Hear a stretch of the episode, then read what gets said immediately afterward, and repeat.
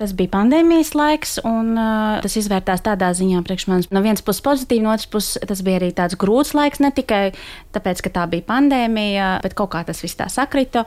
Bija laiks skatīties arī īsāts intervijas un lasīt, un tad es redzēju vienu interviju ar Georgu Pelēci. Un, um, man tas ļoti, ļoti iedvesmoja. Es sāku meklēt dažādas notis un spēlēt viņa mūziku. Es sapratu, ka tas ir kaut kādā ziņā tāds mans glābiņš tajā laikā un emocionāli kaut kāds tāds mans templis. Bija arī paralēli ar to visu. Mēs runājām ar Trio Fābelu par jaunām kompozīcijām priekš Trio Fābelu. Tad es teicu, mums obligāti jāuzraksta Georgam Pelēcam, jāpasūtina darbs priekš Trio Fābelu. Un tajā pašā laikā es arī rakstīju Georgam Pelēcam un teicu, ka es ļoti gribētu ierakstīt vēl vairāk mūzikas, jo man liekas, ka tai mūzikai jāskan daudz vairāk un nekad nevar būt pa daudz. Un, uh, viņš, jā, viņš piekrita, un tad, tad zvanīju Egīlam Šēferam. Es domāju, ka nav labāka ierakstu kompānija kā Latvijā, kā Skani, lai rakstītu latviešu mūziku, uh, izdevniecību. Un, un Egīls Šēfers mani atbalstīja, par ko es viņam ļoti pateicos, protams. Un, tā tas viss gāja tādā virpulī, virpulī, virpulī uz priekšu. Šī pati programma, Georgs Pelēcis, jūsu interpretācijā, kad? Izskanēs vēlreiz Latvijā, Liepājā, 15. janvārī. Liepājas koncertā Lielais Dzintars ir arī līdzproducents, un uh, tur arī tika rakstīts albums, un, un tur arī būs koncerts. Programma būs gan nedaudz citādāk, lai gan tagad es spēlēju trīs gada laikus, bet klāt tur vēl nāks piecas skarlatīs sonātas. Un tad, tad tas būs tāds pilns divdaļīgs koncerts. Liepājā, un tas tiks arī digitāli straumēts. Tā kā arī klausītājiem Rīgā būs iespēja klausīties koncertu no mājām. Jums pašai, kā Lindai, mīļākais gada laiks, kurš ir? Vai šī sajūta, vispār gada laika sajūta, jums sakrīt ar Georgu Pelēci? Jā, īstenībā daudz vietas sakrīt. Es nevaru tā pateikt, kurš mans mīļākais. Man liekas, tajā brīdī to, ko es spēlēju, tas arī ir tas mans mīļākais gada laiks. Tā līdzīgi arī dzīvojot, ir, um, man ļoti patīk rudens pašai dzīvē, arī mūzikā. Man patīk jau Georga Pelēča rudens. Varbūt tās tāpēc, ka man dzimšanas diena ir, tas tā ļoti bieži, man liekas, sakrīt, ka dzimšanas diena pavasarī, tad tas pavasaris varbūt man ir tāds mans gada laiks, jā. Bet arī tāpēc koncertā arī izskanēs šoreiz pavasara mūzika, rudens mūzika un jaungada mūzika. Tāpēc arī ir izvēlētās trīs. Bet īstenībā es tieši vakar ar vecākiem cilvēkiem runāju un stāstīju, kā man patīk ziema un arī tas otrais jaunais gads. Nu, grūti izvēlēties. Bet nu, koncertam bija jāizvēlās. Tāda ļoti liela programma, tas ir vairāk par 106 minūtēm. Tas ir divas stundas. Jā, jā, tad mēs izdomājam, ka lai ir tā, ka cilvēki grib pēc tam meklēt rokā un klausīties. un to varēs arī darīt. Linda, bet kāda bija tā jūsu sadarbība ar pašu Georgu Pelēci? Jūs jau teicāt, jūs uzrunājāt viņu, komponists bija ļoti, ļoti atsaucīgs. Jā, tur bija tā, ka es viņam jautāju, es teicu, ka esmu gatava spēlēt visu viņa mūziku, vai viņam ir kaut kādas vēlmes, kas vēl nav iespēlētas. Tad viņš teica, ka jā, viņam ir tāds liels cikls.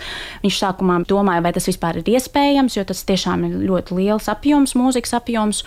Bet es teicu, ka nu, jā, viss ir iespējams, ka jāsāk tikai mācīties. Un īstenībā tā sakrita, ka likās, ka nu, būs gana tā laika, tā pandēmija, bet tā jau vairs nebija. Jau sākās vasarā visādi darbi. Es vēl paliku paralēli stāvoklī, un tad jau bija diezgan blīvs un mā, mācījos daudz, un laika nebija nemaz tik daudz. Jā. Nu, jā, būtībā tas bija tā kā mūsu Georgs piedāvāja gada laikus, es piekritu gada laikiem, un man likās tā arī tāda skaista ideja nodzīvot visu to gadu kopā ar tiem gadu laikiem. Jo būtībā maijā viņš man nosūtīja mūziku. Es arī sāku ar to pavasari, tad vasarā es mācījos vasaru, rudenī mācījos rudeni, un tā kaut kādā veidā es ar to mūziku kopā izdzīvoju, un bērniņš arī auga kopā ar to mūziku. Tā kā man liekas, kā Georgs arī teica, ka katram mums ir tie savi gada laiki, tā ļoti cikliski, tad arī tā sanāca ļoti dabiski. Nav jau arī noslēpums, ka mūziķi Ziemassvētku albums ļoti bieži ieskaņo vasarā. Uh mhm. -huh. Jūs uh, ieskaņojāt februārī visus gada laikus. Kā jūs varējāt uzbūrt to vasaras sajūtu, kas jums palīdzēja dabūt to zemes sasilušās smaržu, lai pavasari vai rudens trūdošās lapas rudenī ieskaņojot aiz loga februāris putenis? Es nezinu, man liekas, mūzika vienkārši pati par sevi palīdz es nezinu, es spēlēju tiešām to vasaras mūziku, un es jūtu to karstumu, to svēlmi, to siltumu, to vakaru, kad tā saule tūlītās jau rietēs, un tā gaisma, nu, tās mūzikas vienkārši tas pats par sevi izstarojas, un tad tajā telpā pie tām klavierēm tu spēlē, un, un to, to bildi vienkārši redzi. Man liekas, tas jau ir tas mūzikas brīnums, ka mēs varam eh, mainīt uh, laiku, vietu, telpu, pateicoties mūzikai. Tā ir mūsu tā dāvana. Vai jūs gadījumā neesat pasaulē vienīgais cilvēks, kura pirkstos un galvā šobrīd ir, nu, atskatot, protams, pašu Georgu Pelēci, visa šī gada laika mūzika?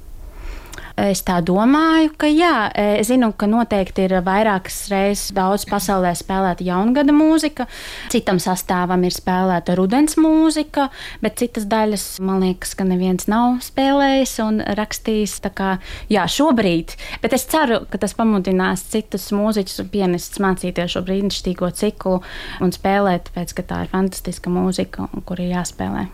Vai jūs vedīsiet šo mūziku arī tālāk pasaulē? Jā, tas arī ir mans mērķis - popularizēt obligāti latviešu mūziku, georgpelēču mūziku. Tas man ir ļoti, ļoti svarīgi. Un, um, gan publika ir jāiepazīstina, gan arī koncertu organizatori ir jāiepazīstina. Bet man nav bijis neviena koncerta, kur es esmu spēlējusi georgpelēču, un man pēc tam nākuši no klāt un teikuši, ka tā ir visbrīnišķīgākā mūzika, mēs gribam vēl un brauciet vēl. Un ar trio fābelu mēs esam spēlējuši lirisko triptiku un aicināti spēlēt tajā pašā koncertā koncertzālē vēlreiz, un ir lūgums vēlreiz atkārtot to pašu skandaru nākamajā gadā. Tā kā tā ir mūzika, man liekas, nav iespējams nemīlēt. Esmu par to ļoti priecīga. Nu, es cenšos to pēc iespējas vairāk likt savās programmās, protams. Man jau bija tā iespēja iepazīties ar komponistu tuvāk, jo mēs esam arī tikušies, esam runājuši par mūziku. Un, man liekas, ka tā ir tāda privilēģija mums mūsdienās runāt ar komponistiem, kuri ir rakstījuši mūziku un apspriest. Mēs jau nevaram to darīt par Bahu un Mocartu. Un būtu ļoti daudz jautājumu arī un gribētu to zināt. Vai arī varbūt pat dažreiz negribu zināt, ko viņi domā par mūsu izpildījumu. Bet no šobrīd, jā, man liekas, tā ir milzīga privilēģija strādāt ar pašu komponistu un runāt par viņu mūziku, ko viņš kā ir iecerējis. Bet tādā ziņā, principā, Pelēts ir ļoti pateicīgs komponists. Viņš, principā, ļauj lielu brīvību, dot ļoti lielu brīvību interpretācijā. Bet jums jau arī bija pirms ieraksta sarunās stāsti no paša komponista, ko viņš kurā daļā ir gribējis. Un kāpēc jaungads ir divas reizes? Jā, nu, tas ir īstenībā vairāki komponisti ir rakstījuši gada laikus. Tas nav nekas tāds jauns. Tad uh, Georgam Pelēcim nav četri gada laiki, bet gan seši. Un tad ir jādomā, kā mums taču nav seši gada laiki. Un tad viņam ir divas jaungada mūzikas. Tāpēc, ka ar jauno gadu viss sākās. Nav neviens gads, kurš nesākas ar jauno gadu. Un tāpēc ir gada sākumā jaunais gads, un gada beigās jaunais gads ir atkal klāt, un pa vidu ir jā, četri gada laiki. Varbūt divi jauni gadi tāpēc, lai svinētu to dzīvi daudzāk un biežāk. Jā, un man liekas, jaunais gads ir tas, kurš mums dod to cerību, ka nākamais gads būs nedaudz labāks, ka mēs būsim nedaudz labāki. Un tā kā jaunais gads tādā ziņā ir ļoti cerīgs. Man liekas, arī tieši to viņš arī atspoguļoja to cerīgumu tajā mūzikā.